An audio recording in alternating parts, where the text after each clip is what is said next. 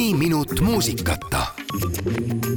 kohe-kohe saab Eesti Lastekirjanduse Keskus üheksakümmend aastat vanaks ja mis selle aja jooksul kõik on juhtunud, loomulikult seda mõne minuti sisse ära ei mahuta, aga pisut saame rääkida ikka ja meiega vestleb Eesti Lastekirjanduse Keskuse direktor Triin Soone, tere päevast! tere päevast! milline sündmus siis see täpsemalt on, millega sai üheksakümmend aastat tagasi alguse Eesti Lastekirjanduse Keskus? No Eesti Lastekirjanduse Keskuse, ma arvan, tegelikult nagu paljude teiste Eesti organisatsioonide elu on üsna kirju olnud ajalooliselt. Ja on üks väga tore ja oluline tähtpäev, see on kaksteist november tuhat üheksasada kolmkümmend kolm, kui siis Tallinnas avati esimene lasteraamatukogu tegelikult see oli küll Tallinna Keskraamatukogus peahoones siis eraldi osakond lastele. pärast seda on Eestis lasteraamatukogusid juurde tulnud eks kindlasti see muidugi saame öelda, et päris see ei ole nüüd see hetk, kus äh, lapsed ja raamatud üldse esimest korda kokku viisid, aga ajaloos oli esimese Eesti Vabariigi all äh, olukord selline, kus põhiliselt tegelikult lasteteenindus ja lasteraamatukogud asusid koolide juures ja väga paljud ka avalikud raamatukogud. Aga see oli võib-olla selline jah, esimene, kus, kus tehti lasteosakond ja, ja seal oli ka oma vanusepiirang, mis on üllatav, nii et päris väikesi sinna ka veel juurde ei lastud, nemad siis oli alates kaheteistkümnendast eluaastast, kui lapsed said hakata raamatuid äh, koju laenutama on teil selle kohta ka andmeid, miks see vanuse alampiir oli paika pandud, miks ei tohtinud nooremad kui kaheteistkümneaastaseid raamatuid laenutada? tegelikult oli ju niimoodi, et äh, rahvaraamatukogud, mis üle Eesti asusid, siis lapsed käisid ka seal ja lastekirjandust oli seal olemas. ja võib-olla selline tõuge, mis sai eraldi lasteteeninduse loomiseks, oligi seotud sellega, et kuna lapsi tuli raamatukogudesse ka järjest rohkem juurde ja seda mõjutas ju ka see, et lasteraamatuid hakkas ilmuma, et, ähm, et kui lastekirjandust tuleb, siis tuleb ka lugejaid juurde, kui raamatuid ei ole, siis ei ole ka lugejaid. Ja lapsed hakkasid pigem tegelikult oma natuke elavama ja lärmaka olekuga täiskasvanuid lugejaid segama ja see oli ka üks põhjus, miks eraldati.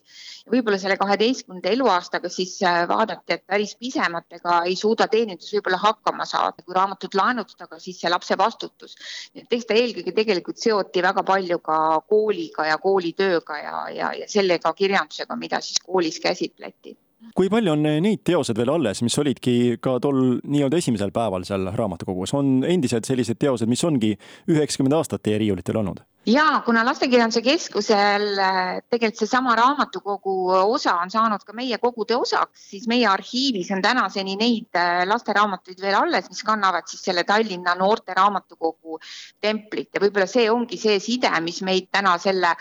esimese algdaatumiga seob. Aga jah, neid, neid on ja, ja noh, kui vaadata, siis põhiliselt, mis tegelikult ka välja laenutati, väga palju oli tollel ajal ikkagi ka klassikat, et leiame sealt Tammsaare teost ja Jüri Parijõge ja Juhan Jaiki ja nii et, et need on need teosed, mis on sellest ajast aga kui võtta nii-öelda selline edetabel, mis võiks olla olnud populaarsed raamatud läbi nende aastakümnete, peaaegu et lausa terve saja aasta, siis kas oskate välja tuua ka, mis võiksid seal võib-olla top kolmes olla, mida on kõige rohkem laenutatud või vaadatud? Ja ühe teose võib küll tuua, see on Oskar Lutsu Kevade. kui siis noorteraamatukogust hakati laenutama raamatuid, siis oligi Oskar Lutsu Kevade kohe seal topis ja populaarsuselt esimeste hulgas ja ta on tänaseni. kuna ta on meiega koolide soovituslikku nimekirja jäänud siiamaale, siis Kevade, ma usun, on küll läbi aegade kõigi enam laenutatud lasteraamat meie raamatukogudest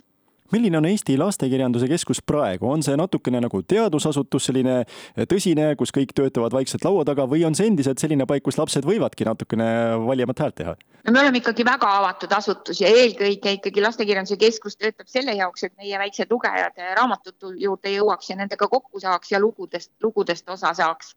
nii et teadusasutuseks meid kindlasti nimetada ei saa, ma ise küll ei öelda, et me ei tegeleks sellega, et mis on ka kirjanduse loomega seotud, et, et meil ongi tänaseks võib-olla sellist kolm põhilist suunda. esiteks kõigepealt see, et Eesti lastekirjandus üldse sünniks, et meil oleks autoreid ja nii kirjanikke kui illustraatoreid. Nii et lasteraamatu puhul on ju väga oluline roll ka illustraatoril ja piltidel, mis raamatutesse tehakse ja sealt edasi on meie oluline tööpanus sellesse, et lasteraamat jõuaks lasteni üle Eesti ja meil on selleks väga hea lasteraamatukogude võrk, kellega me koostööd teeme, kus siis noored lugejad kirjandusega kokku saavad. nii et selline popul kirjanduse populariseerimise ja lugemise populariseerimine on üks väga oluline ja väga suur tööpõld, mida me siin künname. ja kolmandaks, siis me viime ka meie lasteraamatuid välismaale, et ega meil piire ei ole, et äh, ja, ja eelkõige, et Eesti lasteraamat jõuaks ka teistesse keeltesse ja, ja kõnetaks ka neid noori lugejaid mujal. see suur-suur sünnipäevapidu peetakse maha homme, see on avalik pidu ja see on kõigile tasuta ka veel ja see on kõigile, me ootame kõiki äh, lastekirjanduse ja lugemise ja raamatute ja, ja sõpru oma majja. me teeme maja uksed kell kaksteist lahti, tulge Pikale tänavale ja, ja siin võite küll äh, homme kohtuda nii lasteraamatute tegelaste, autoritega, ka kirjastajatega. et meil on tervepäevane programm äh, üles ehitatud, kus saab siis vaadata etendust, kuulata kontserti, saab ise töötubades osa võtta, mitmed illustraatorid teevad töötuba ja meil on ka raamatudoktorid, kes annavad head nõu, et kirjandust ilmub meil suhteliselt palju. aastas pea kaheksasada nimetust lastele, nii et iga päev tuleb peaaegu kaks uut lasteraamatut juurde aga see, et, et laps leiaks üle just teda huvitava teema ja, ja, ja loo, siis selleks on väga palju täiskasvanutel seal teha ja soovitusi jagada, nii et meie raamatudoktorid on olemas ja annavad väga häid lugemisretsepte välja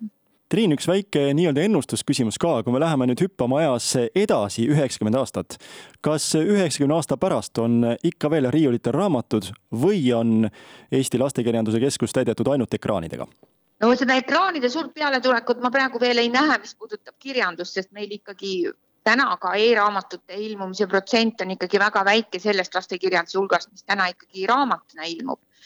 ja kuna kõik käib mööda, elus mööda spiraali mööda ja, ja see, mis on vana ja armastatud, võib-olla vahepeal kaob, aga tuleb jälle tagasi, nii et selles mõttes ma usun, et raamat kindlasti jääb. ja kui ma täna vaatan, siis laste huvi nagu päris ehtsate asjade vastu pigem hakkab kasvama selle suure ekraanimaailma kõrval, et sellest hakkab ka väike tüdivus tulema, aga kindlasti kõik jäävad alles, ma arvan, et see paljusus, et tegelikult me ju ei tea, mida tulevik veel toob, aga mis on peamine raamatu lood jäävad kindlasti alles, sest inimesed armastavad lugusid, armastavad neid jutustada, armastavad neid lugeda, aga mis vahendid meil selleks on, seda näitab aeg suur aitäh, Triin Soone meiega vestlemast, palju õnne veel kord Eesti Lastekirjanduse Keskusele ja homme kõik sünnipäevapeole! ja aitäh, olete kõik väga-väga oodatud!